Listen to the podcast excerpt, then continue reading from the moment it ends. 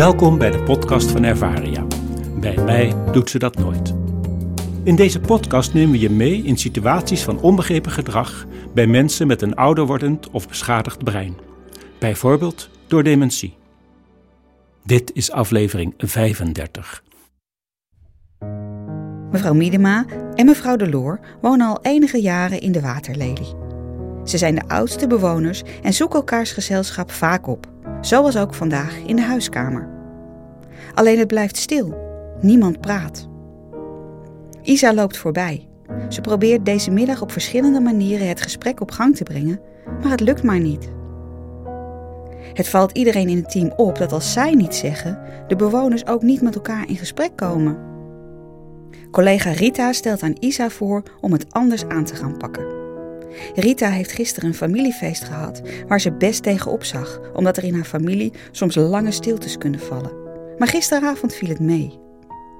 De menukaart en de placemats in het restaurant gaven namelijk al snel aanleiding tot allerlei gesprekstof, waardoor de avond eigenlijk prima verliep.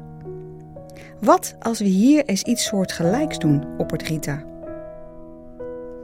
Isa en Rita zetten op tafel in de huiskamer een transparante fotostandaard neer. Op de foto in de standaard zijn twee babysokjes afgebeeld, een roze en een blauwe. Binnen korte tijd staat de standaard midden op tafel en wisselen de bewoners ervaringen uit.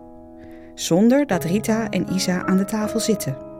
Ze luisteren op afstand en horen de mooie gesprekken. Vanaf dat moment staat er in de waterlelie iedere dag een andere foto op tafel.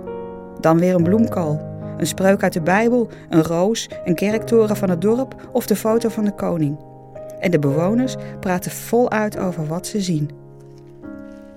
Het zien van een dergelijke boodschap op tafel appelleert aan ons spontaan en impulsief gedrag.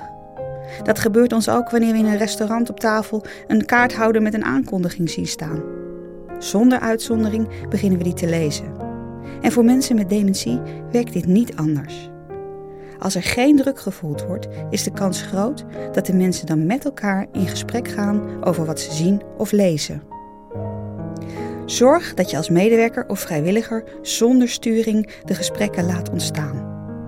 Als we de omgeving uitdagender maken door een beroep te doen op de nog aanwezige functies uit het onderbrein, gebeuren er soms onverwacht mooie dingen. Meer informatie is te vinden in ons boek Bij mij doet ze dat nooit.